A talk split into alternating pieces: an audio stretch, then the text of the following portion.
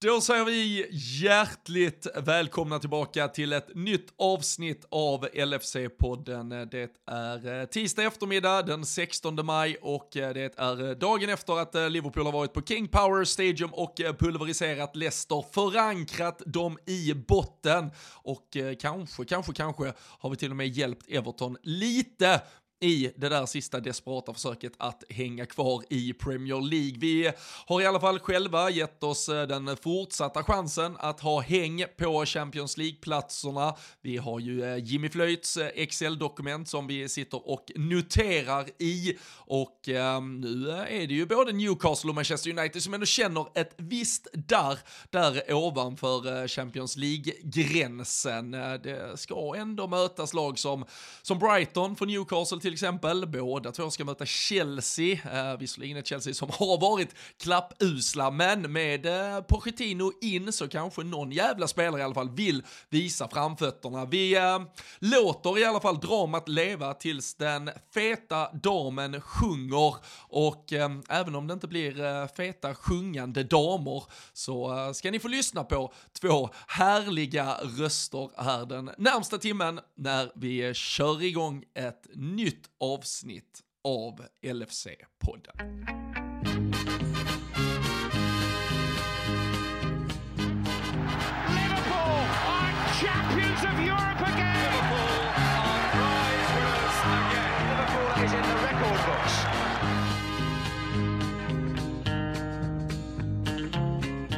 Ja, det gör vi och eh, som sagt kanske inte någon eh, fet eh, operaröst, Danne, men eh, lite skånska och eh, ja, men eh, ett härligt klang från eh, Borås så här en tisdag eftermiddag. Det är väl fan inte helt fel heller.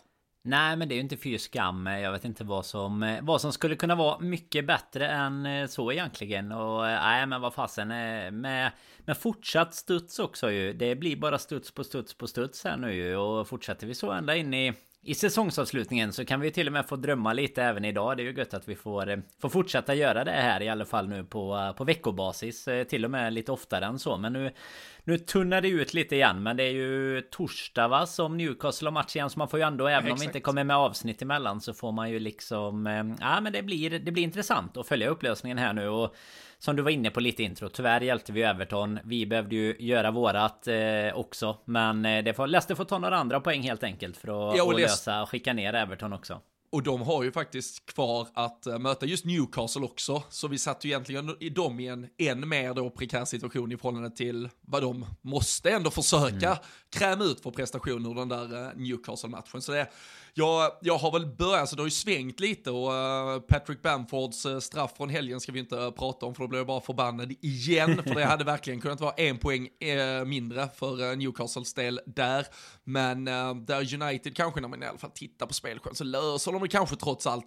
Men Newcastle som då har ett Brighton, får vi se om de kan kraftsamla och göra en lika bra prestation som mot, mot Arsenal här senast, så ändå ett desperat, äh, fast det var ju inte ett desperat kämpande Leicester, det ska gudarna veta, fy fan vad de var håglösa igår, det kändes inte som ett lag i, ja, men i kris som hade slutit sig samman för att göra allt som stod i sin makt för att rätta till något, men eh, sen har Newcastle även Chelsea, så det, det, det, är nog fan på Newcastles bekostnad. Om det här jävla miraklet ska ske så, så är det nog eh, där vi ska hämta förtröstan och hopp. Men eh, som sagt, det är torsdagsmatch där och sen har ju United sin hängmatch nästa vecka blir det väl. Så det, det är ju lite att hålla koll på även när vi själva inte spelar den eh, närmsta tiden.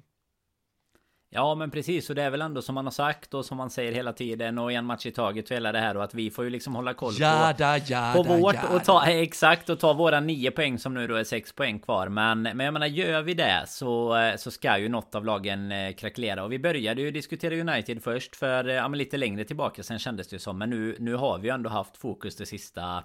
Snarare på att det kanske skulle bli ett Newcastle. Även om eh, United förlorade precis de där matcherna de skulle förlora så ja ska inte säga att det var en säker seger mot Wolverhampton men de hade ju redan stuckit på, på semester och skickat in lite halv B-betonat lag så att Klart kan det skaka till någonstans men eh, lite som du är inne på så har väl Newcastle ändå ett schema som eh, Ja med Brighton som är bra förutom mot Everton och eh, ändå jagar Europaplats och sen då ett Leicester som jagar ja, men liksom en, en, kommer kämpa för en överlevnad och sen ett Chelsea som vi kanske inte ska sätta hopp till varken mot United eller, eller mot Newcastle. Men Newcastle börjar ju också kännas lite som att de får den här lilla Ah, det, du vet, det, det, börjar skaka lite. Jag menar nu eh, mot Leeds till exempel. Jag menar det är straffmålen. Även om Bamford missar den som, eh, som vi inte skulle nämna för att du inte ska bli förbannad. Men vi kan ju behöva elda igång det lite här med. Jag menar Jones gör ju, Jones gör ju vad han kan för att elda igång det. Det finns annat som kommer göra mig förbannad den här ja, men, ja men exakt. Nej men jag menar då, då är det så här. Ja, det känns ändå som att jag menar de ska ju de ska ju i vanliga fall eh, oavsett om det är Leeds borta och sådär och de också kämpar för eh,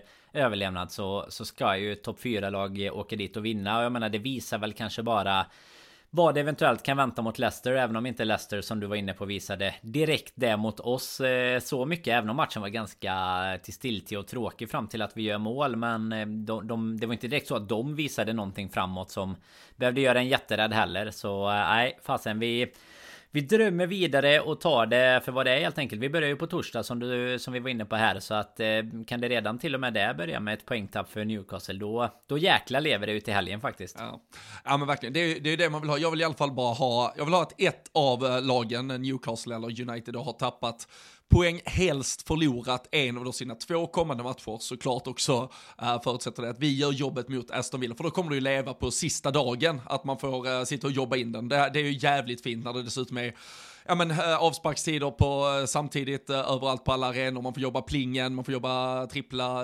skärmar och allt möjligt för att följa händelserna. Nu, nu har ju du och jag haft ja, turen, höll jag på att säga, men det har alltid blivit otur med turen att stå på Anfield och följa två sådana nervkittlande titelrace med uh, minutiös uh, då, rapportering via radio i stort sett från vad som händer i Manchester Citys matcher. Nu, nu kan vi ändå få något liknande, lite dramatiskt avgörande förhoppningsvis om vi kan få, uh, om vi kan få ett resultat någonstans med oss in i det där uh, inför uh, sista omgången. Det hade varit jävligt kul om den här säsongen som kändes så jävla meningslös för två månader sedan ändå kan leva på ja. sista dagen. Så det, det hade varit jävligt häftigt och eh, jag tänker bara där med tanke på att man unnar ju, man, Ja, men jag säga bara, man unnar, ju, man unnar ju också borta stå på St. Marys att ha det här att du vet någon står och uppdaterar Bet365 typ för att se vad resultaten är. Det är ju det man får göra nu för tiden. Det är ju knappt att radio kommer in på arenorna liksom så att eh, man, någon står det alltid liksom gaming-apparna som funkar bäst har ju folk eh, insett nu. Så jag vet ju att det var så på båda de här eh, titelavgörandena när vi har varit på Anfield att någon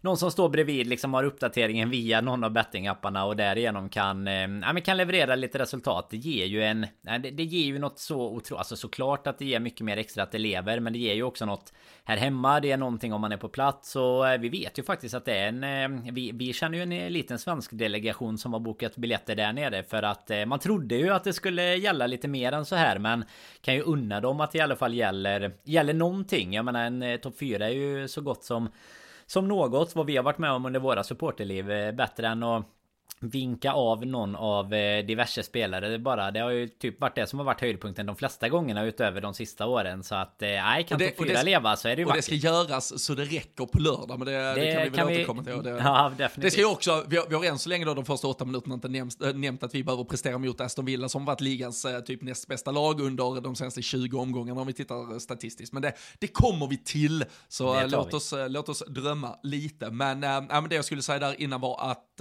med då eh, allt det här eh, matchandet, att det är lite hängmatcher här och där eh, med andra lag involverade som ändå påverkar oss och som vi kanske inte alltid kan plocka ner i en timmes podd så håller jag såklart alltid en varm rekommendation till att man håller sig uppdaterad på LFC.se, supporterklubben uppdaterar ju såklart kring allt som händer. Vi lär väl också kanske få mer information i veckan just kring det här, vilka spelare som, som kanske kommer tackas av. Det är ju sista hemmamatchen mot Aston Villa, vi har ju flera med utgående kontrakt och sen vill man ju gärna ha en, en skadeuppdatering, eller rättare sagt bekräftelse på att eh, Roberto Firmino är fit for fight för att till och med göra några minuter på planen. Det hade ju varit eh, jävligt häftigt om vi fick den avslutningen. Så LFC.se vill jag verkligen rekommendera och eh, där har man ju nu också faktiskt, förutom alla vanliga medlemskap som finns, man kan ju signa upp sitt vanliga medlemskap, jag vet att många har över säsong, så det går snart ut, dags att förnya.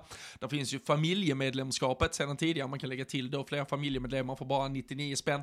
Men man har också nu tagit fram 1892-klubben och eh, det är ju såklart då, precis som eh, siffrorna antyder, eh, dels året som eh, Liverpool grundades, men eh, sen då också eh, beloppet man betalar. Det är alltså ett företagspaket kan man säga, ett litet sponsringspaket där man som, eh, ja men kanske, ja, man får jättegärna vara ett stort företag som vill in och vara en del av eh, den svenska supporterklubben, men även då för lite mindre företag till en ganska då blygsam summa i sammanhanget tycker jag ändå man får säga, så kan man bli en del och eh, sponsra eh, supporterklubben. Man får alla vanliga medlemsförmåner, men man får också då chansen att synas på sajten. Man kan skicka ut erbjudanden till medlemmar. Man kan helt enkelt skapa, ja, få sitt företag så lilla då, kanske lilla mer egna mindre varumärke att synas i den röda familjen som finns där. Så fan 1892, ganska bra jävla pris för att eh, synas och höras i eh, den finaste av alla jävla röda familjer vi har där ute, eller hur?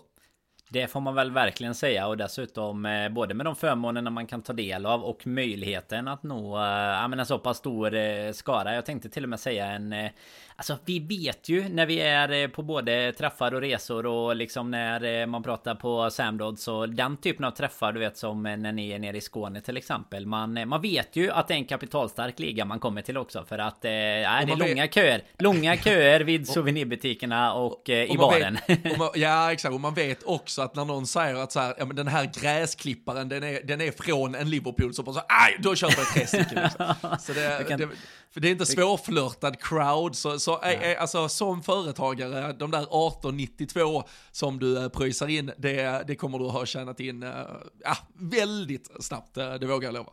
Ja så är det. Och dessutom men du, du var inne på den roligaste av alla. Om det hade varit någon eh, som faktiskt säljer gräsklippare Så kan man ju lägga till den exklusiva Förmånen på typ robotgräsklippare. Att kanske döpa dem till ett eh, namn efter någon spelare och få det ingraverat eller något. Där, där släpper jag en idé som man egentligen borde hålla på själv om man, eh, ja, jag, om man jag, hade gillat det. jag, jag, jag döpte ju faktiskt vår robotdammsugare hemma till Fabinho Just eftersom han var liksom dammsugaren på mittfältet. Så det, gick, det... gick batteriet sönder senaste året innan det börjat funka nu igen eller? Jag har klippat lite.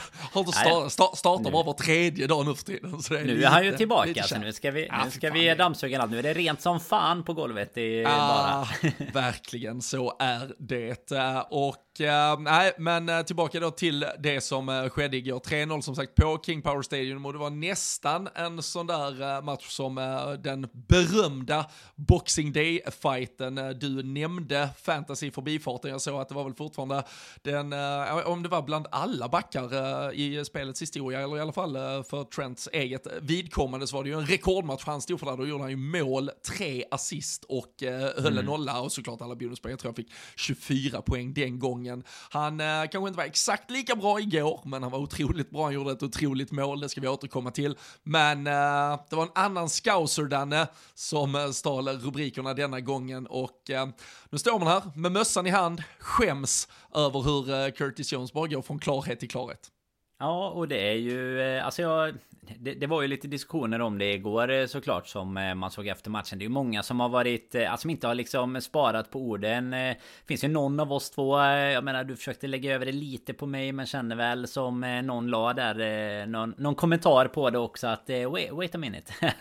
att liksom, det var mycket diskussioner igår där folk också kanske vill så här påpeka att jo men jag har faktiskt stöttat honom men som jag läste någon skrev jäkligt bra så här att det är ju ingen som har kunnat förvänta sig att det skulle bli så här pass bra som det ändå blir. Nu kommer det till och med målproduktion och, och poäng i det hela. Jag menar, och även som när du var på plats, ett identiskt mål nästan mot Spurs mm. ju. Men när du, när du till och med får ut det så... Eh, det, det, är ju inte så att man behöver känna så här även om man har varit kritisk tycker jag. Att man ska liksom på något sätt krypa till korset. För jag menar alla är väl bara jäkligt glada över att det går bra. Bara ja, att det var, det var ingen som såg det här hända för två... Lite som du sa med säsongen. Det var ingen som trodde att säsongen skulle leva. Och det var definitivt ingen som trodde att Curtis Jones skulle vara en startspelare två månader tillbaka. Och det är väl bara så här. Fan vad gött att säsongen lever. Fan vad gött att Curtis Jones har haft en extremt stor del i det. Och nej, men bara jag tackar och tar emot om han står på, på laguppställningen två kommande matcherna framåt också. Sen tycker jag fortfarande att vi behöver ha ett bättre liksom eh, startkapital i eh, i våran elva. Men att han har spelat till sig en plats eh, där han kommer att eh, ja, men kunna göra ett avtryck i en trupp framöver. Det tycker jag absolut. Kontra när du körde den lilla utrensningen där eh, när det inte gick så här riktigt bra för oss. Då spolar man tillbaka till det avsnittet tror jag inte att det var Curtis Jones stanna i alla fall utan han skulle nog rycka ganska snabbt. Men alltså jag menar det är återigen en imponerande insats igår. Och ja, men också jävligt kul att han får kröna det med. Med lite poäng och lite bonuspoäng i fantasyn. Det var 0,1% ägare. Det kollade man såklart upp igår. Det var, ja, det var väl, det var det var jag, jag, jag och hans farsa som satt ja, Du hade han som triple captain hörde jag igår. Ja, jag hade han, han Gündogan och Esse som ett uh, lite tremannamittfält. lite mysigt. Uh, så det är ju världsrekord som vanligt. Men nej, och det är ju där, alltså herregud. Och har man uh, någon form av jävla självdistans så, så får man bara bröstade och, och skrattade åt och som jag skrev när han, när han petade dit, eller petade dit, det gjorde han eventuellt med första men absolut inte med andra. Och när han dunkade dit den så, um, så det liksom, hallå, nu, nu sparkar du på en som ligger här. Och jag, det, ja, men det, och, det, och, vad fan, alltså det, det, får vi ju ta, det har vi återkommit till så många gånger, det, det man kläcker ur sig både här och på sociala medier, det är ju det är ögonblicksbilder av att fan det känns inte rätt, alltså just nu, det, fan jag tycker inte det funkar, vi borde ha någon annan. Och så, alltså, så är det ju hela tiden. Sen tror jag ju också att, um, alltså, det, det är ju, det har ju för honom då varit en, en blessing att dels att Liverpool var så otroligt dåliga som vi var periodvis, framförallt i början av säsongen och vi hade dippen i, eh, i januari och vi kan, vi ska återkomma lite till, vi ska titta lite just på de här olika, ja, men kanske delarna av vår säsong och när vi har varit bra och när vi har varit mindre bra, men, men sen då också med alla skador på mittfältet, att vi var tvungna att göra något nytt, att Trent får en ny roll som därmed har gett Curtis en ny roll, alltså det är ju många som har Mottwe och Klopp har ju pratat och då tycker jag han gör i stort sett på varje presskonferens nu om att Visst, vi, vi ska ju såklart försöka vinna varje match här och nu och så ska vi se vart det leder till, men man hör ju på honom att han egentligen inte tror, även om man hoppas och drömmer om den här säsongen och Champions League-platsen, men att vi snarare ska bygga något, något helt nytt för framtiden. Och, och ska vi bygga något helt nytt, något helt annorlunda, för första gången på ja, men de sju och ett halvt åren han har varit här, snart åtta åren, så tycker jag att Klock också pratar om att ja, men bygga, alltså verkligen alltså, uh, uppfinna sig själv igen. Och då kanske det helt plötsligt, jag tyckte ju att när man bara satte rakt in honom i det gamla Liverpool, det tyckte jag ofta det blev väldigt stillastående med boll, väldigt uh, mycket driva 3-4 meter framåt men sen driva 2-3 meter tillbaka. Det, det, jag tyckte inte det fungerade, det tror jag ingen egentligen tyckte. Och det, alltså sen är det en annan sak eh, om man vill ja, försöka vara lite spetsig som att uh, han ska, han, vi, vi, måste sälja honom, han har ingen chans någonsin. Uh, det, det, behöver man ju såklart inte säga. Jag, alltså, jag vet ju, jag har väl vetat hela tiden att vi antagligen inte kommer sälja honom. Alltså vad är han, 21-22 bast, scouser och fullgod truppspelare. Men det är ju mer om man vill man tycka saker eller vill man inte tycka saker.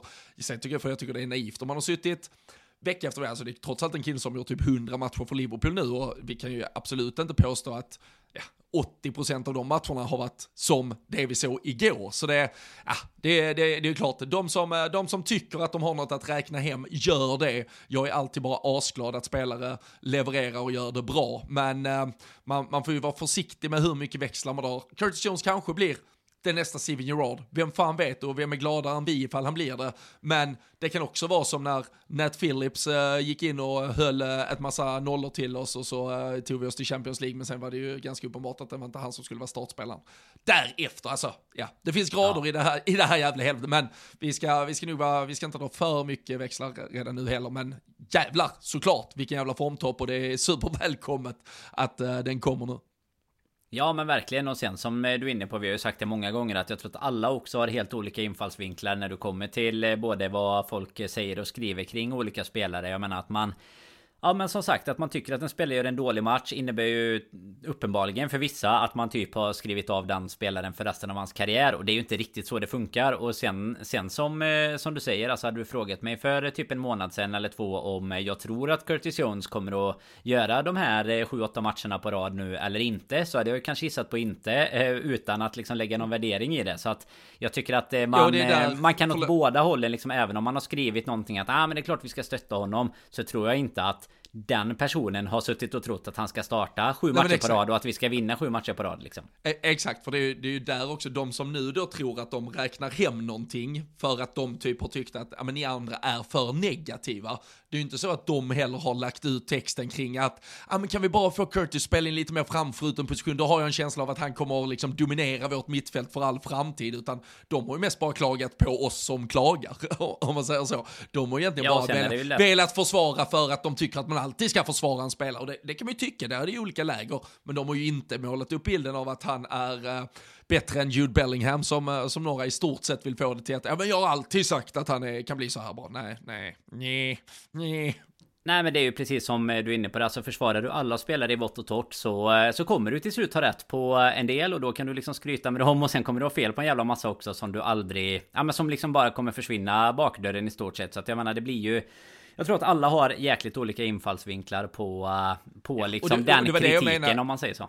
Ja, och jag, jag var raljant när jag säger Nat Phillips, men det var ju väldigt många ja, som också efter... Ja, men, nej, men efter, efter ja, precis, det var ju väldigt många som efter den våren sa att ja, men Nat Phillips och Rhys Williams, nu får vi ju faktiskt ge dem en ärlig chans och sådär. Alltså, nej, det funkar inte alltid så. Så det, nej som du säger, det, det är ingen som är gladare än antagligen alla Liverpool-supportrar att Curtis Jones eh, var svinbra igår och att han eh, har eh, blivit bättre och bättre och bättre och tycker man ser, ja, men ser, ser nya, i det här spelsystemet så, så kommer han mycket mer till sin rätt. Jag, jag tycker man ser eh, till och med Gino Wijnaldum-liknande kvaliteter i återerövringsspel och, och hur han löper och sen om det då kan kryddas med poängplockande, för det är ju där jag har känt tidigare i den rollen han lite har fått är ändå att han har varit mycket mer tydligt framskjuten i sin roll för att kunna ja, men vara den här lite spetsspelaren där jag tyckte att spetsen lite har saknats och därför så har det inte um, ja, kommit så mycket uh, ur Um, ja, men ur hans prestationer. Det har varit uh, jävligt mycket mellanmjölk. Nu tycker jag att man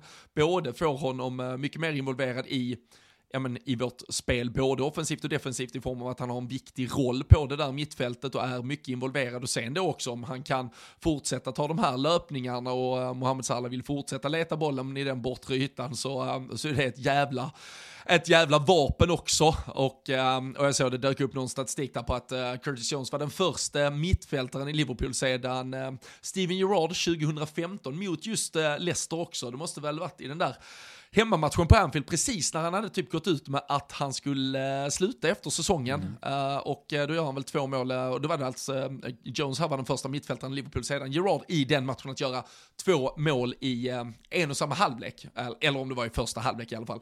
där någon menar på att kolla, Curtis Jones, han, nu är han uppe på Gerard-nivå. Det är ju snarare en jävla kritik mot vårt, mitt, alltså så här, jag säger inte att mittfältare per automatik ska göra två mål per halvlek, det är nog ingen som kräver, men just det här med mitt mittfältare som gör mål har ju varit ett jätteproblem för oss sen ja, om vi räknade Coutinho som mittfältare så är väl han den senaste som i alla fall någonstans producerade därifrån. Uh, men eh, kan vi få Curtis Jones på att komma upp och göra runt 10 uh, eh, ifall han nu uh, blir en lite mer etablerad startspelare även när vi har gjort lite sommarförvärv så uh, vore det otroligt uh, ja, men härligt och, och jätteviktigt för det här laget. Ja, det är ju framförallt är det ju som du säger helt eh, sinnessjukt om, eh, om det är så att det bara... Alltså att han är den första mittfältaren som gör det. Jag kan ju dock säga direkt att jag vet ju att det måste vara första halvlek eller om det är Premier League i så fall. För att vi hade ju en, en nyss nämnd Gini Wijnaldum som gjorde två ja, rätt, eh, go, rätt goa mål mot Barca. Ja, okay. Men, men första, första eller... Halvlek. Precis, Säkerligen. första halvlek eller i Premier League skulle det ju eventuellt kunna vara också. För, men jag menar det är ju... Ja, jag kan hålla med dig om att det ser mer om mittfältarna än om just Curtis Jones i just det fallet. Sen Sen precis som du är inne på, det ska ju inte vara så att... Jag menar, vi, vi har ju saknat... Alltså är det någonting vi har saknat under Klopp så är det ju poängproduktion från mittfältet. Sen har vi inte behövt det för det har ju kompenserats av en liksom anfallstrio eller framförallt kanske en duo som har, har gjort extremt mycket poäng. Men eh, det är ju ändå så att tittar du på de flesta andra lag,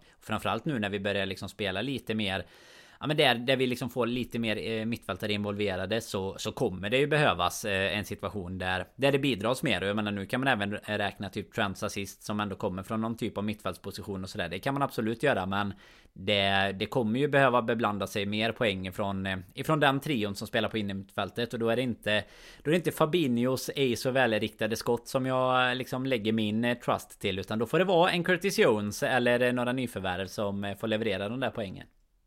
Ja, nej men uh, vi, uh, vi är glada för uh, Curtis i alla fall och alla, alla vet nu om vad, vad, vad, vi har tyckt och tänkt och det, det är kul. Det, jag hoppas han bara fortsätter nu och, och showa med mig här så jag verkligen får lida hela vägen in i mål den här säsongen. Det har jag förtjänat och jag, jag står där och bara tar varenda piskrapp han vill dela ut och skämma ut mig på torget. det är helt okej. Okay. allt, ja, vi, vi, vi får hoppas att vi kan kan eh, förlåta varandra när eh, säsongen väl är över. Men eh, den som till slut krönte av insatsen med ja, ett jävla körsbär överst på den där kakan, det var ju till slut Trent Alexander-Arnold som på då den tredje passen från Mohamed Salah var väl hans första assist-hattrick som jag förstod det här. Och det var Trent som då dunkade upp den med en härlig curl i bortre krysset och Klopp ville inte nämna namn men sa att den där frisparken hade vi kunnat sätta tidigare den här säsongen och eh, sen eh, var det väl ganska uppenbart att han pikade lite kapten Jordan Henderson som mm. eh, blockade en mot eh, Crystal Palace här för ett par månader sedan. Men eh, ja, han har ju som sagt varit bra på King Power förr och vi har sett han göra frisparksmål men det här var ja, i den, eller från den högsta lådan egentligen. Ja men verkligen eh, Det är ju en eh, jäkla raket som sitter precis där den ska och den eh, Ja men det, han har gjort det mot Chelsea var det väl bland annat Som han gjorde ett i stort sett identiskt Fast lite lite närmare Alltså straffområdesgränsen då. Så att detta blir ju ännu häftigare och dessutom Alltså jag tycker att det är extra coolt när han gör det i den formen han är För han är ju otroligt bra i våra matcher nu med. Och så att han liksom ja, men det är Och så med Gareth Southgate att, på läktaren Ja, också. extra bra att man har Southgate framför sig. Och sen eh, lite som du var inne på innan Han gillade att göra det på King Power. Och sen är ju lite så här en spelare i form liksom. Alltså det, hade han gjort det här målet för två månader sedan. Man litar ju fortfarande på att hans fot är lika bra. Men liksom han har kommit in i det. Nu har han stödet tillbaka. Och så avslutar han med någon sån här riktig typ eh, sorry not sorry målgest nere vid hemflaggan. Typ att sorry att jag skickar ut er. Alla nu kan ni gå hem liksom. Och det var ju typ det som de gjorde på King Power. De lämnade ju efter 3-0 där. Men eh, nej, han är väl den som är mest ledsen över att vi eventuellt skjuter ut dem från Premier League för han trivs eh, otroligt bra borta mot Leicester. Han är väl den eh, förmodligen den enda som eh, gör det. Men det sjukaste dock eh, som vi ska koppla vidare lite till det vi pratade om innan med Salas eh, hattrick där i assist. Det är ju att han eh, varken då fick ett fantasypoäng för det Robin i bonusen. Men sen får du också en liten sån här miniquiz nu. Han han är ju en målskytt, det känner vi till. Men han går ju alltså också upp på, sen Klopp kom nu så går han upp på delad assist assisttopp eh, faktiskt med de här tre. Och eh, också, alltså nu, jag ska inte säga att vi har missat det eller glömt av det. Men det är klart att man, eh, man fokuserar ju framförallt på hans eh, målskytte. Men vem är det han eh, tangerar med, tillsammans med? Uh, alltså som han är delad tvåa med? Ja. Eller vem som uh, leder? Ja, som leder. Uh, alltså jag tänker att Firmino leder. Nej, jag tänker att de är på samma nu. Ja, okej. Okay. Ja, alltså, ja, ja, alltså Tanera att han går upp på samma nu. Eller de är, del, de är delade detta nu? Ja, jajamän. Ja, okej. Okay. Ja, men det var det jag menar. Firmino tänkte jag toppa Ja, men det är rätt. Ja, men det, ja, det får du rätt ja, för. Det, den får du med dig. Ja, men det, och det, jag menar, det ska man ju, alltså men bara det, på det, tal om hur huvudbonader och hur mycket man ska lyfta för en Salah liksom. Nu, eh, han har gjort mål i massa matcher på rad och här kommer han att göra tre assist. Visst, eh, assisten till Trent där hade kanske eventuellt också någon annan kunnat lösa, men alltså de eh, första är ju, det är ju riktigt bra assist. Framförallt den Alltså den som är kopian där till Som även skedde framför dig mot Spurs Den lilla chippen. Ja. Sen det direktpasset som han gör eh, Till andra också är ju, är ju superbra. Alltså att eh, få fram den så enkelt. Så att Också lite det här med en spelare i form och rätt fötter kontra att inte vara det. Ja men verkligen. Och uh, jag tycker dock bara eftersom du uh, skickar en liten känga till oss att vi inte pratar tillräckligt om hans uh, assist och uh, framspelningar. Vem var det som satt i Hua Hin i augusti och sa kolla in vad spelbolagen erbjuder på assistvinnare Mohamed Salah. Och eh, det var ju rätt så höga odds. Och eh, vi fick fram, vi fick väl till och med begära fram ett odds. Och eh, jag vet att ganska många ryggade. Och hade det inte varit för att Kevin De Bruyne är Kevin De Bruyne så eh, ser det ut som att eh, Salah då kanske kommer tvåa i alla fall. Eh, det är ju en klen tröst eh, i detta läge. Men 10 assist har han, Saka har 11, sen har ju De Bruyne 16 eh, så det ska väl lite till, det ska ju dubbla hattrick och lite till då i eh, form av assist här de två sista omgångarna till till för att eh, han ska kunna vinna. Men eh, det här hade vi ju flaggat lite för faktiskt, att eh, det kunde bli. Och eh, sen trodde vi väl kanske då att det skulle vara Darwin Nunes som var den som pantade in de där eh, sista bollarna, inte Curtis Jones just, men fan gör det så länge vi uh, är något rätt på spåren i alla fall. Och det tycker jag vi ändå kan räkna hem. Och skulle Salah göra ett mål till Danne, då går han upp på 20 mål och 10 assist blir den första spelaren i Premier League-historien att göra tre stycken säsonger med då 20 plus mål och 10 plus assist samtidigt. Det vill säga, ännu en gång kommer vi ha en Only Salah hashtag att förhålla oss till. Det är som sagt rekord på rekord på mm. rekord. Och då är det ändå under hans dåliga säsong. Ja, ja, ja. Nej men det är också som du säger De Bruyne och eh, Saka som är färdiga just nu Men jag menar Tittar du på målproduktionen så eh, så har de lite att räkna hem på en Mohamed Salah Så att nej det är bara det, det är bara upprepa Det är bara lyssna på varje avsnitt som vi spelar in här Och så får vi upprepa oss återigen att det är en eh, en otrolig fotbollsspelare som vi har eh, framför ögonen på veckobasis här. Och Förhoppningsvis eh, de där 20 ska han väl komma upp i alla fall Och så kanske ett par assist till här innan Innan säsongen är över. Det är ändå två chanser kvar. Jajamensan, ja, men det, det, det tycker jag absolut. Och uh... Aston Villa på, eh, på lördag eh, är ju såklart en, eh, en, en tuff jävla nöt som ska knäckas. Det, det, finns ju också en liten situation vi ska förhålla oss till där kring målgörande. För vi har ju en tabell just nu där vi har 65 poäng, United och Newcastle. Det, det, blir så störigt när man ska, jag märkte det igår, jag skulle referera till det, jag satt och pratade om med min kära fru här hemma, så skulle vi då prata om att det var Newcastle och, så sa man att det var Newcastle och United som var före oss i tabellen, men det är ju, alltså de är, Newcastle heter ju också United. Exakt. Tyckte, det, tyckte det blev helt fel, så jag kan inte referera till det ena laget som United och det andra som inte United när de är, alltså börjar säga Newcastle och Manchester, det blev också helt fel. Det blev också. Nej, det, det, är Newcastle United och Manchester United här, det är två jävla United-lag för oss. Men, äh, nej, men just det här eftersom de har 66 poäng, de kan ju båda två lagen vid äh, vars en, eh, om de vinner en match till men kryssar två, då kommer de ju upp på, nej vad blir det då? Då kommer de upp på, jo 71 ja, poäng. 71, och det är det samma vi som vi och det är kan det maxa, eller vi måste vi ta om man säger så. Ja. Precis. Uh, och Manchester United går vi ju förbi då utan problem. Vi har 18 plusmål på dem just nu, medan Newcastle uh, är 4 plusmål före oss. Um, sen kan man ju då eh, räkna ut att om de kryssar två matcher så kommer det ju vara två matcher där de bara går alltså plus minus noll och, och vinner de en så har de ju den då på sig att utöka det och vi har ju två matcher kvar där vi då måste vinna oavsett. Men eh, det kan nog behövas, eh, skulle det bli så tajt och, och tufft, då kan det nog behövas 3-4-0 i båda de här segrarna. Så frågan är väl hur mycket vi bara ska gå all out attack för att uh, jaga mål redan på lördag och uh, hur mycket vi ska försöka tänka till och tänka att tre poäng är det viktigaste och sen får uh, saker som händer på andra håll, det får, det får komma sen typ. Eller sparar vi den här eventuella extremurladdningen bara till sista matchen mot Southampton när, när allt för deras del, det är ju redan avgjort, de är ju ute. Ja men fortfarande ingenting som jag skulle vara så säker på att de bara släpper till. Alltså det har man ju sett förr känns det som att eh, folk som redan borde vara var liksom någon helt annanstans mentalt kan helt plötsligt eh, kämpa med näbbar och klor bara för att de inte vill bli eh, förödmjukade ungefär på sin hemmaplan. Och det, det, är väl eh, rätt när man är en professionell fotbollsspelare. Men jag tror ju att eh, vårat recept egentligen är att gå all out attack mot Villa. Inte bara för att eh, jaga målskillnad utan alltså för att det också är vårt bästa sätt att kunna vinna matchen på egentligen.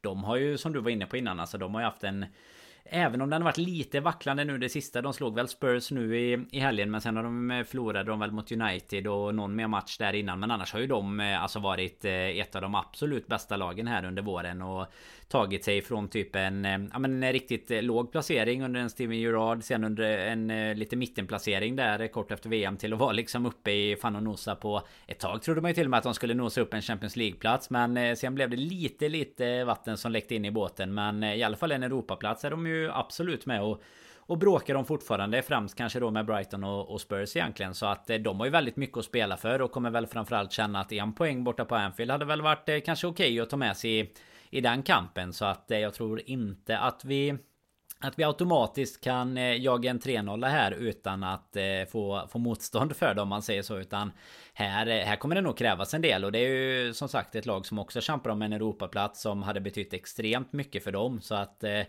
vi, vi ska nog försöka gå all out attack Men inte av den anledningen utan bara att det är det, det, är det vi kommer behöva göra. För att ha en chans, ja, men lite så För att ha en chans i matchen bara har väldigt, väldigt mycket koll på en uh, Ollie Watkins som kommer ligga på rulle och fiska där bakom backlinjen uh, istället. Uh, Becker tyckte jag var, han var helt briljant igen uh, igår på tal om det just med som, som sweeper keeper. Fick göra ett par ordentliga räddningar och där, där vet vi hur jävla bra han är men jag älskar ju när han, när han styr och ställer i den där ytan precis bakom backlinjen så att är det inte Kevin De Bruyne sitt, eller precision då då är de andra spelarna faktiskt tillräckligt dåliga för att du inte ska kunna sätta bollen så pass bra i den ytan uh, när samspelet fungerar med van Dijk, Konate och uh, Alisson för att uh, du ska kunna hitta någon. Och då var det ändå en djupledslöpande Jamie Vardy som uh, låg där och, uh, och tuggar rulle, men han, han, är ju inte vad han är. Fan. Jag, jag, jag fick känslan jag fick känslan att han hade varit typ skadad hela säsongen, för jag, liksom, man har inte sett någonting, så hörde jag ändå 17 starter, 17 inhopp, 3 mål. Jävlar vad slut eh, som artist den gubben är i alla fall. Ja, han hade ju, han, det känns som att han hade sin eh, USP liksom. Alltså dels då såklart när de, när de gick så bra. Men sen eh, levde han ju lite på det några säsonger till och gjorde en hel del mål liksom när de fortfarande var... Ja men även där lite typ Salas, alltså när han var dålig gjorde han ju ändå 12-14 kassar ja, känns som. Även de senaste åren. Det här, nu har det ju varit som att det bara, nu bara trillar han rätt av klippan. och så har de inte varit beredda på att hitta en lösning bakom honom. Nej och man känner ju inte riktigt att de eh, Alltså att när man tittar på honom känner man ju inte att han har Alltså han har ju tappat tillräckligt av den eh, speeden Som egentligen var hans kännetecken. Och sen har de ju ändå haft Alltså jag skulle ju gissa Nu har jag det inte framför mig Men jag skulle gissa att både Ianacho och till och med kanske Daka Har gjort fler än eh, tre mål trots Trots att det har gått så extremt dåligt för Leicester också. Och jag menar då en barn som typ låg på 12 mål eller någonting Helt kom från ingenstans Trodde att han hade gjort han hade gjort tre kanske och, och så Madison som ju var skadad en del så, där, så det är ju ett lag som ändå finns Men jag tror att en... Eh, jag får se hur många som i så fall hänger med ner Men Jamie Wardy hade väl i alla fall kanske mått bra av ett steg ner i, eh, i seriesystemet För att, att kunna få sätta lite baljor igen. För eh, den, den karriären är nog... Eh, den, den går nog på dekis nu det, det känns det som det är inte, inget ja, Arsenal ja. som ringer längre i alla fall. Nej, det, det är det verkligen. Så att det var tydligen en ny dokumentär på väg ut om uh, Rebecca Vardy och, och, hennes liv också tydligen varit uh, Jehovas vittne som uh, bara, så det, var, det var mörka jävla historier från det så jag ska inte dra in det på något uh, uh, form av uh, komiskt uh, sätt. Men det, det, känns ju som en uh, speciell person av hela den här wag Atta Christie-gate som var mellan henne och Colleen Rooney och allt möjligt också. Men nej, det, det, känns som det är över för Jamie Vardy. Men Ollie Watkins tror jag vi får hålla mer koll på mot Aston Villa och som du var inne på att sen VM, lite drygt, jag vet inte om det är exakt där detta går tillbaka till, men om vi tittar de senaste 20 matcherna, då är man faktiskt ligans näst bästa lag, bara Manchester City som har plockat mer poäng. Uh, City med 50 poäng, Villa med 39, Arsenal 38, Liverpool 37. Uh, eh, där kan man väl också, eh, uh, märkte ju hur arga Arsenal-fansen blev på mig när jag äh, ja, tweetade ut här i veckan att äh, det är ett, äh, ja, men det, det är en, ett haveri till äh, titelpush, det man gör. Man tar nio av senaste 21 potentiella poängen, följer ju ihop mot City, faller ihop här mot Brighton. Tre raka kryss, eller tre kryss där under tiden också, bland annat både mot oss och West Ham när man leder med 2-0, går upp till 2-2 mot Southampton som som sagt som är ligans sämsta lag, behöver man rädda 3-3 på hemmaplan.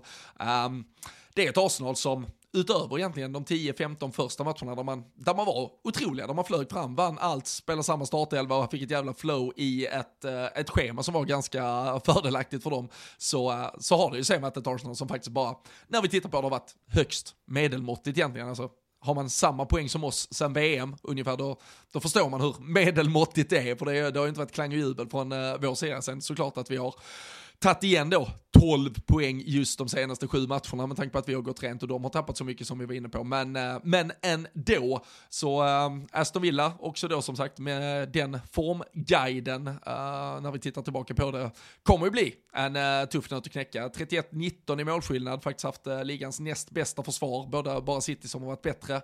Äh, så ja, nog fan blir det match av det på lördag i alla fall. Jo men det är absolut, jag menar som, som jag var inne på innan Dessutom en Europaplats att spela om så um, Nej men så är det ju inte på något sätt så att de har, eh, har börjat titta mot sommaren och kika vart man ska ta vägen på semester istället. Utan här finns det ju, alltså det finns ju som vi även visste under Gerard egentligen finns ju extremt mycket talang i den här truppen. Han lyckades inte få ut så mycket av det tyvärr men eh, det har ju verkligen Emery lyckats med. Och har gjort ett imponerande jobb. Och som du säger det, det måste ju vara alltså 20 är ju typ från VM där för det var ju omgång 16 17 någonting som eh, som VM avbröt. Så jag menar att då ta den Alltså för de hade ändå lite tufft precis där i början vet jag. Vi slog ju dem bland annat där precis efter VM var väl det nästan. Och, eh, ja, Boxing Day-matchen. Ja, men exakt. Ja, Stefan Baccetic gjorde mål och allting. Då, jajamän, så eh, det var ju fina tider. Det var då man trodde att vi skulle lösa topp 4 lite snabbare igen än vad vi gjorde. Men nu är vi på rätt spår igen i alla fall. Men nej, det blir en, det blir en tuff match. Sen är det ju som sagt, vi har gått igenom de andra lagen med och alla har ju men alla har ju typ tuffa matcher på sitt sätt nu liksom. Eh, sen ska man bara nämna något eh, visst kring Arsenal som du säger där så är det ju just att de gör ju egentligen en eh, normal säsong i resten liksom. De hade ju en en otroligt flygande start och det är klart att kommer du ut med det utgångsläget till att du leder med en hel del poäng då kontra hur det har sett ut för vår del som kanske kommer och gräver underifrån. Ja men det är klart då ser man ju det, det känns ju inte som att vi har tagit lika många poäng sedan dess. Men eh, uppenbarligen är det ju så även om det har varit lite lite expressfart här nu då på slutet upp för oss och ner för dem så så säger det ju ändå någonting om alltså dels kanske Citys eh, dominans när de väl eh, kavlar upp ärmarna och vill. Eh, när inte vi kan hänga på dem eller något annat så sätt. Men jag menar då, då annars ligger ju som du nämnde där, då är det ju både vi och Aston Villa och andra lag som, som är minst lika bra. Så att nej, det... Det var väl inte helt eh, oberäkneligt av dig att eh, du skulle få lite mothugg på den. Jag tänkte att du måste haft lite lite att göra eller något där på kvällen och känt att ah, men jag har lite tid där, två timmar och slå ihjäl med lite Twitterhugg ja, här. Ju, det, det, det, finns ju inget fel när man just när man när man ger sig på då lite så här en, eh, någonstans konkurrent och så här, så vet man ju också att så här, ja men Tottenham-fansen de hatar mig egentligen, United-fansen de hatar mig också egentligen, men ger jag mig på Arsenal, då kan jag ju fan få med mig dem också liksom. Så då, då börjar man ju hova in likesen både från Liverpool-fans och så kommer lite Tottenham, lite United, det finns ju inga City, fanns det någon så kanske en eller två tittar in och dunkar dit en like också liksom. Och så Arsenal-fansen som som jag ändå har försökt vara ganska god vän med under säsongen. Tycker vi har haft något fint, men uh, så fick man, det ändå, fick man ändå få det liksom. De, de, det fick brista lite för dem också, så de fick bli förbannade. Det, men det tycker jag, och jag såg um, Jamie Carragher gav väl, uh, gav väl mig lite rätta också, att uh, de, de vill ju skylla lite på att, uh, ja men kolla hur det har gått, det, det, är bara för att Saliba har gått sönder och fan vad det har blivit dåligt dåligt. Så, ja men vad var det de tittade på senaste tio matcherna utan honom? De, var sämre, de hade ett sämre liksom, försvarsspel de tio matcherna medan han, alltså de sista tio han var kvar typ. Mm. Så det, alltså det, äh, det är ett Arsenal som har gjort det, eh, som sagt, utöver att de fick en otroligt flygande start och det sa ju du till mig här innan vi tryckte igång att eh, du hade ju lite koll på deras fantasy-schema och tydligen hade de dessutom ändå på pappret extremt enkel start. Ja, då fick sju, de lite, sju, åtta matcher ja, men då, där då, alltså. då flög de iväg där och, och sen såklart att de byggde lite momentum från det när, när alla andra lag lite laborerade kring hur fan man skulle hantera den här VM-säsongen, vad skulle man göra? Många lag som snurrar på mycket folk, även då City gick på lite plumpar och tappade lite poäng här och där. Uh, vi uh, såklart och United hade ju en härlig start, de förlorade väl tre av de fyra första och vi som sagt var lite halvdåliga hela tiden. Så det är klart att, Chelsea ska vi inte ens prata om, så det är klart att Arsenal utnyttjade det läget sen och kunde sväva på rätt länge. Men uh, det blir uppenbart som sagt när vi ja, sträcker ut det här över, över 20 matcher. Mm. Det är ju liksom, det är mer än halva säsongen tillbaka här och då snittar de inte ens över två poäng, det vill säga då är de snarare på ett snitt som hade gett dem 74-75 poäng om det hade varit över hela säsongen. Så det, och det är väl kanske mer ett sånt lag de egentligen är. Uh, och uh, ska, nog, mm. Ska nog vara lite försiktiga. Och jag, jag, tror också de är jävligt förbannade, precis som, som vi var 13-14. Det, var, det är ju ett sidospår, men det var också det folk ville diskutera. Att ja, men 13-14, Liverpool, herregud, så som ni förlorade den titeln, det, måste, det var ju klart mycket sämre. Och så här. Jag var tvungen att kolla på hur fan den där våren ser ut. Och det var liksom, vi vann 11 raka matcher fram till den där förlusten mot Chelsea. Men jag tycker det är absurt och det är sjukt och det är klart att uh, we don't let this slip och det första de gör är att uh, halka. Det är klart det är helt, ja men det är klart att det är så jävla bisarrt. Men det är ju inte, det är ju inte för att det kom in hjärnspöken och vi, äh, ja, men vi krackelerade från, alltså på målrakan och bara äh, torska allting till slut för att vi inte orkade. Men det som jag tror det laget känner och som jag tror att Teta känner, det måste vara liknande det som många Liverpool-spelare, i alla fall i den upplagan, och framförallt Brendan Rodgers kände, det var att det här var kanske vår chans. Mm. Alltså, vi kommer nog inte få chansen igen. Uh, sen kommer Arsenal bli ett bättre lag totalt sett som kommer etablera sig och kommer vara ett kanske ständigt återkommande Champions League-lag ett par år nu om de bygger rätt och gör rätt saker.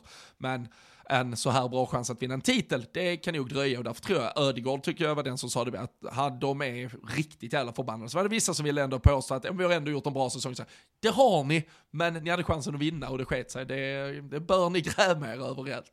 Ja, men eh, exakt. Alltså grej, grejen är väl egentligen att eh, om du jämför med med vårt där så är det klart att du kan ju alltid på något sätt förhoppningsvis då bygga vidare på det du har gjort. Alltså de, eh, ja men liksom så här, Chelsea har varit på dekis, Spurs lite sådär, du är bäst i London, du kan locka spelare tack vare det liksom. Men man har ju också sett hur det gick för oss både 08, 09 och 13, 14 när vi väl trodde att okej, okay, nu jäklar kommer vi att, att kunna liksom bygga vidare på det här och göra något riktigt bra. Då har det ju gått eh, käpprätt neråt i, i källan igen liksom. Så att jag, jag tror att det, det man inte får glömma är att eh, Vet jag satt med diskussion med någon eh, just angående det. Det var nog kanske på eh, någon fortsatt tråd på din tweet där eller om det var något annat. Det är ju att det är klart att också sitter du som Arsenal. Det är de, det är de mörkaste platserna. Det finns Flashback och sen så finns det svarstråden på mina tweets. Det är de mörkaste platserna på internet. Det är, då, det är då man kommer till eh, den riktiga gråzonen som kallar li, lite ja, bortanför samhället liksom. Ja, men exakt. Ja, Nej, men det, ja, ja, Jag satt i diskussion med någon där som verkligen tyckte så här. Hur kan man tycka att typ United har haft en bättre säsong än Arsenal? Arsenal, de är ju kass liksom. Och eh, jag menar bara för att de kommer tre eller fyra till exempel. Ja men, så här, ja men de har ju fortfarande en FA-cup att spela för. De har vunnit en ligacup.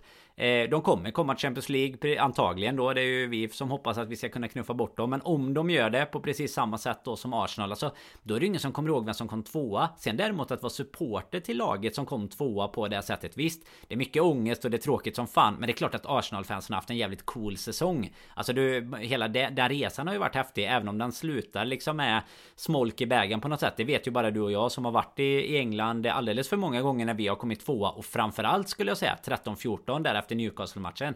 Alltså festerna som var på stan trots att vi kom tvåa där var ju... Det var, det var ju bara som såhär, fan vad skönt att den här säsongen är över. Det blev inget av det. Men vilken jävla resa vi har haft, vilka matcher det har varit. Då levde det ju dessutom in i, ända in i slutet liksom.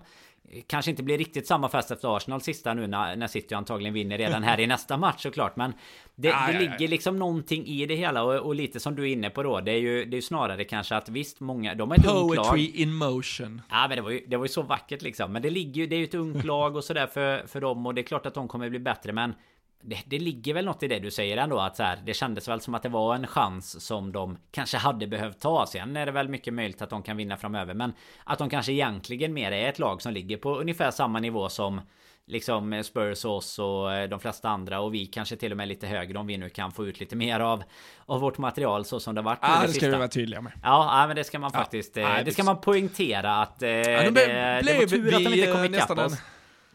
Ja, men precis. Ja, tur att de inte kom ikapp oss i ligatitlar där, det var viktigt. För det var det vi jag ja. sa, du vet när jag sa att jag höll på City lite framför Arsenal där. Det var ju det viktiga här var ju att inte man kunde titta tillbaka på Klopps eh, liksom regim. Okej, okay, han och Arteta tog lika många ligatitlar under de här åren. Sofie, jag, jag, jag måste ändå säga, fint att du kallar det hans regim. ja, det är fint. Ja, det, är det, pep, det, det, är det in som någon sorts hjälte här och ja, löser det. Håland löser det för oss eh, så att det blir eh, City istället. Nej, det, han kommer ju ha vunnit uh, fyra av uh, de fem senaste Premier League-säsongerna då. Det, undantaget är alltså när vi uh, vann den och de två som har gått till sista dagen, andra Premier League-säsongerna, det är ju när vi har tagit dem till, ja men hela mm. vägen in till ja, men, fighten på, på slutvissla annars. När vi uh, krackelerat de två andra så har det varit tidigare avgörande och det lär vi få se då igen här. Men vi har som sagt uh, Villa att ta oss förbi på lördagen och förutom att Eh, det ska vinnas tre poäng så ska det av allt att döma. Och eh, här får man ju som sagt hålla sig lite uppdaterad på lfc.se inför, tycker jag, för eh, det är fan viktiga grejer att hålla koll på. Och det tyckte jag framförallt att Traveling Cop igår påminde oss om och jag tyckte att applåderna från en viss Roberto Firmino efteråt såklart också var tydliga med, med det också. Men alltså avslutningen på lördagen med en, uh, av allt att döma då, Roberto Firmino som ska tackas av. Uh, vi får ju tillägga även James Milner högst troligen. Naby Keita, Alex Oxlade-Chamberlain. Vi kan skratta åt vissa spelares prestationer hit och dit och också där, men uh, vi, eh, vi har ju varit där som sagt, eh, förra året var det Divock Origi som tackades av, men vi har sett uh, Jamie Carragher tackas av. Det har varit uh, större eller mindre stora spelare, Steven Gerrard såklart, ska vi aldrig förringa, trots uh, förlustmatchen mot Crystal Palace i den uh, piss, piss Nej, det var ingen bra avslutning var det inte. Men... Nej, Men jag, men jag satt bredvid eh, Ulrik Hybner, torpeden som folk eh, kanske känner igen, helsingborgare. Han, eh, de satt ett, och känner man till dem och känner man till hur de kanske åker till Liverpool och loss ibland, det ska man göra.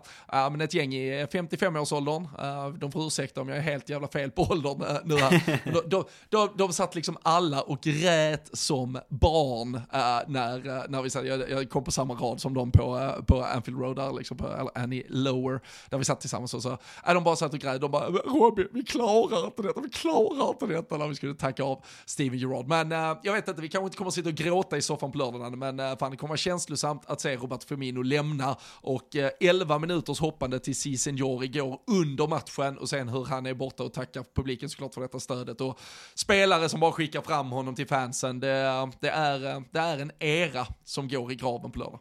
Ja men så är det verkligen och det blir ju en eh, kanske en liten försmak förhoppningsvis på vad som väntar på lördag eller så blev det den eh, den stora avslutningen här liksom för att det, det är lite som du säger det är lite synd om de andra att de kommer ju hamna i skymundan så är det utan tvekan och kanske med all rätt med men jag menar en eh, Milner eh, alltså även så här Keita kanske får ursäkt i sammanhanget men alltså en Oxlade innan sin skada hade ju i alla fall en större del i ja, men vad som blev det coola i Champions League och så under Klopps tidiga år. Men, eh, men en Milner som har gjort ett gediget arbete. Sen tycker jag ändå, alltså här, jag tror inte att man kommer sitta och gråta floder. Utan man kommer, man, jag tycker med Firmino nu att man känner ju så här. Visst, han hade jättegärna fått stanna, inga problem alls. Men samtidigt känner man att så här, ja men det kan vara bra för honom. Det är okej för klubben liksom. Nu hoppas vi att vi kan få igång eh, Darwin istället. En Gakpo har kommit igång sådär. Alltså det känns inte inte som eh, liksom att det är någon spelare som lämnar som det kommer lämna ett stort tomrum efter sig direkt i startelvan om man säger så. Det är ju ganska skönt. Däremot som karaktär, kultledare,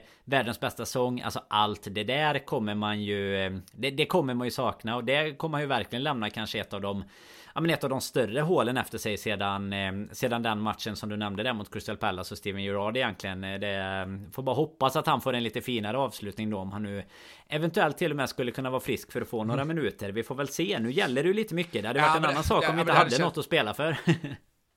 det brukade ju vara så i alla fall när vi var över. Då fanns det inget Nej, att spela för. Det Nej, men det är, väl, det är väl så eh, historien samtidigt ska skrivas och det sista kapitlet är att han kommer in sista tio minuterna och gör ett uh, poängavgörande mål. Uh, samtidigt som vi, som vi uh, kanske redan under torsdagen har, har sett Newcastle tappa poäng eller någonting. Så att det blir ett sånt där mål som uh, dessutom verkligen sätter våra drömmar på sin spets inför avslutningen mot Southampton. Det, det, alltså, det har ju Firmino trots allt hela den här säsongen visat att när han spelar så har han ju mer eller mindre alltid Verkligen. producerat poäng också. Så det, det finns ju inte, såvida han bara är fit nog för att vara ombytt och klar och ha 17 minuter i sig så finns det ju inget läge i matchen oavsett då om vi leder stort eller det, det står och väger eller vi har något att försvara. Alltså det finns ju alltid ett läge för att slänga in en frisk Roberto Firmino. Så pass bra är han ju fortfarande. Så det, det, det, det tycker jag att eh, är han, är han redo för att eh, spela så oavsett matchbild så bör vi hitta ett läge för honom att få spela.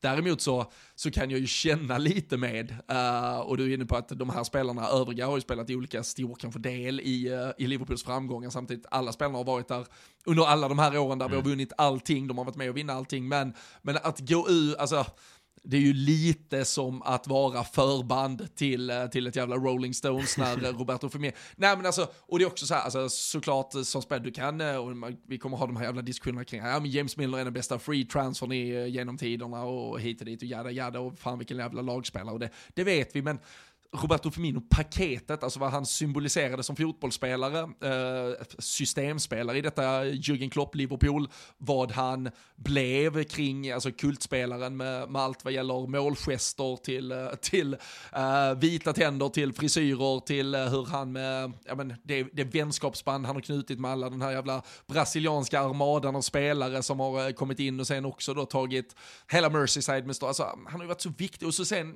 har du den sången, då kommer du leva för evigt ja. på Anfield. Alltså, och det kommer med all respekt, hur bra de andra än har varit, det kommer de ändå inte göra. Sen, sen ska de inte jämföras, för Firmino tycker jag ändå är på en helt annan nivå. Men alltså, det kommer ju vara som att de bara, okej, okay, så tackar vi Oxlade, wow, och så tackar vi Keita, wow, så tackar vi Milner, wow, wow, okej okay då liksom. Men sen ska vi tacka Roberto Firmino, och så kommer ju, där, kommer ju Anfield explodera liksom. Ja, men det, det, är ju exakt som du är inne på där då, alltså han personifierar ju mycket mer den här eh, klopperan på något sätt. Och, och alltså både det här med fronttrion som han var eh, länken mellan Mané och Salah liksom, och du, du kan ju inte, alltså Milner var ju mer så här, ja ah, men det är en jävla bra gubbe att ha i truppen. Alltså det, du kommer inte riktigt lika långt på det och inte. Och som du är inne på lite där med, med sången gör ju också, alltså det, det ska man inte underskatta att oavsett hur bra eller dålig du hade varit på plan. Sen kanske du i och för sig behöver spela till dig din, eh, din braiga sång om man säger så. Men alltså att ha den typen av sång är ju verkligen någonting som kommer. Alltså det är ju Luis Garcia nivå liksom på att leva vidare. Och sen har du dessutom gjort det avtrycket som han har gjort. Vunnit allt, eh, avgjort eh, VM-finalen och, och så vidare liksom. Så Nej, det är... Eh, det, det, kommer vara något alldeles speciellt så att vi hoppas väl att de som kommer vara på plats både får... Eh, ja men verkligen fira en seger lite bättre än de flesta av de där matcherna som vi nämnde där vi har fått fira av de, eh, de andra men denna gången gäller det lite mer så att fira av med en seger och fira av en eh, Bobby Firmino och eh, ja men verkligen eh, sjunga in honom i liksom ja men ner till Hall of Fame där nere för att det är ju det är så vi ska komma ihåg honom. Alltså han kommer ju vara den här kombinationen av en superbra fotbollsspelare och en kultspelare på samma gång som inte är sådär jättevanlig ändå. Oftast är det ju det ena eller det andra ja, liksom. Det, och där tycker jag, där, det är han väl, jag försöker så här eh, snabbt på uppstuds hitta jämför. Sen, sen blev ju problemet när typ en Dirk vann ju typ ingenting, men han var ju, han var ju verkligen bra när han spelade, men han var ju framförallt typ kultspelare. Alltså han är ju någonstans åt det hållet med, alltså Firmino är, är ju jättemycket bättre, men han är ju inte, eh, alltså så här, han är ju inte, han är ju inte Gary McAllister som bara var liksom Gary Macca och en 38-åring som böjde in dem fri. Alltså, det, det, du kan ju bli kultspelare eller så kan du ju vara liksom typ, eller en Divock Origi är han ju inte heller utan han är ju, han är ju egentligen på även kvalitetsmässig mm. Fernando Torres-nivå, men han är också något helt annat. Så det är, ja, det är ju ett, det är ett paket på något sätt som är, som är helt otroligt. Jag, jag måste säga, han äh, känner så här, fan måste jag stoppa det nu när han säger att Firmino har avgjort en VM-final också, men äh, klubblags-VM. Ja, äh, riktiga VM, det, som vi kallar det. Riktiga VM, exakt. exakt. Land, landslagshataren är, är väldigt tydlig med vilket Finns det något mer VM menar du? Finns, Finns det VM mellan länder också? Fan vad kul, det får man kolla till någon gång. kan spana in det sen. Kan, kan få en VHS från, uh, från VM 1974. Ja, det var därför, det var därför de var spellediga så jävla länge. Ja, exakt, det var därför de var spellediga så jäkla länge ja, där ett tag i höstas. Det, det var det, det, det typ, Du kan tänka att det, det är typ det, det är typ som Karjala Cup fast för fotbollsländer. Så gör man en sån grej också. Samma som med öknen, vart fjärde år. Nej, jag trodde bara det var att de hade bytt eh, hockey-VM till eh, vintern eh, istället. Jag trodde det var det vi var lediga för. Men nu är jag med, nu är jag med. Fan vad kul, jag ska se ja. hur det gick. Inga kontroverser ja. va?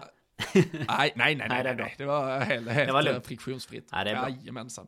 Uh, nej, så uh, vi får se, det lär bli en jävla fest på, på lördag i Liverpool. Uh, festande har det ju varit i den där jävla staden uh, länge nu efter att uh, Eurovision först hade två jävla veckor med, med, med party och framförallt då sista veckan med allt med semifinaler och uh, crescendot med finalen och uh, Lorens seger där. när man hör att hela den svenska delegationen säger att är men bästa jävla Eurovision någonsin så, ja men då förstår man ju det. Det det är ju en stad som vet hur man går man ur huset, välkomnar folk till sin stad och eh, ser till att man festar både tidigt på morgon, sent på kväll, fan dygnet runt där borta. Så det, äh, att det skulle bli en succé, det, det visste man ju från äh, början. Och sen äh, blev man ju däremot, för jag är tvungen att skicka, till, äh, skicka in till er, ju, hörde ju lite under, orkade se ungefär en halvtimme av den där sändningen, skulle i och för sig upp väldigt tidigt dagen efter, men ähm, så hörde man ju Måns äh, Zelmerlöw sitta i kommentatorshytten och säga att ja, det är ju ändå stor, jag kommer inte ihåg exakt vad han sa, men han sa någonting med att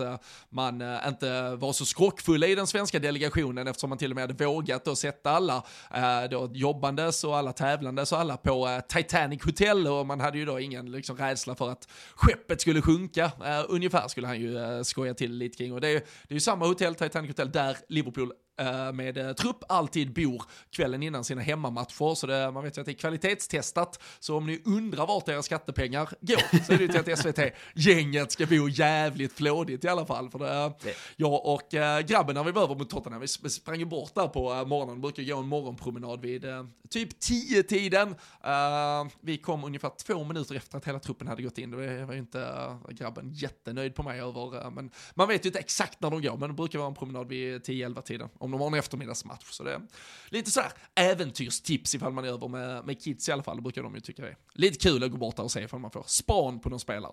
Ja, det är ju helt perfekt och dessutom det han inte berättade i sändning var väl att det var både Popworld och 30 James Street och allt på, på drinkarna och firandet sen. Det, det kom ju inte med kanske, det blir bortklippt sen. nej, nej, fy fan. Popworld har stått i lågor den där helgen. Tänk men, vad gött det är för Popworld. Vi... Jag tänkte bara säga, tänk vad gött det är att vara Popworld. Det är bara att ta alla Eurovision-låtar och bara ta, alltså bara spela dem direkt när, när folk, det är exakt det man vill höra typ där. Alltså den typen, den där finska psykedeliska låten. Tänk bara köra ja, den sen i fyra timmar på Popworld, det är ju helt perfekt.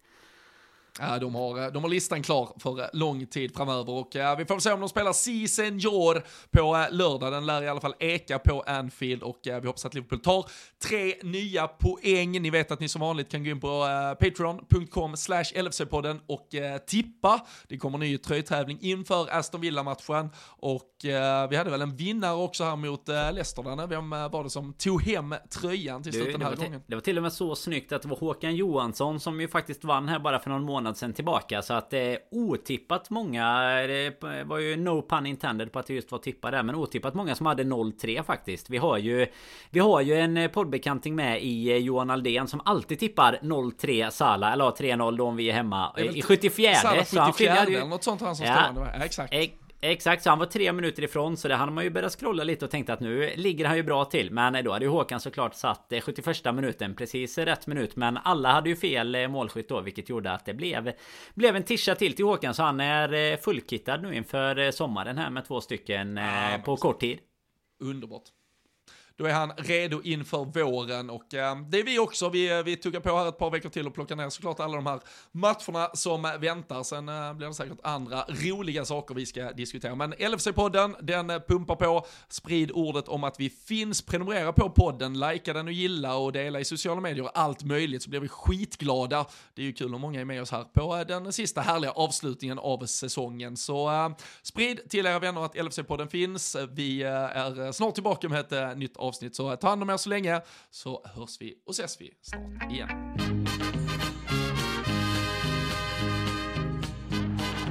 Liverpool are champions of Europe!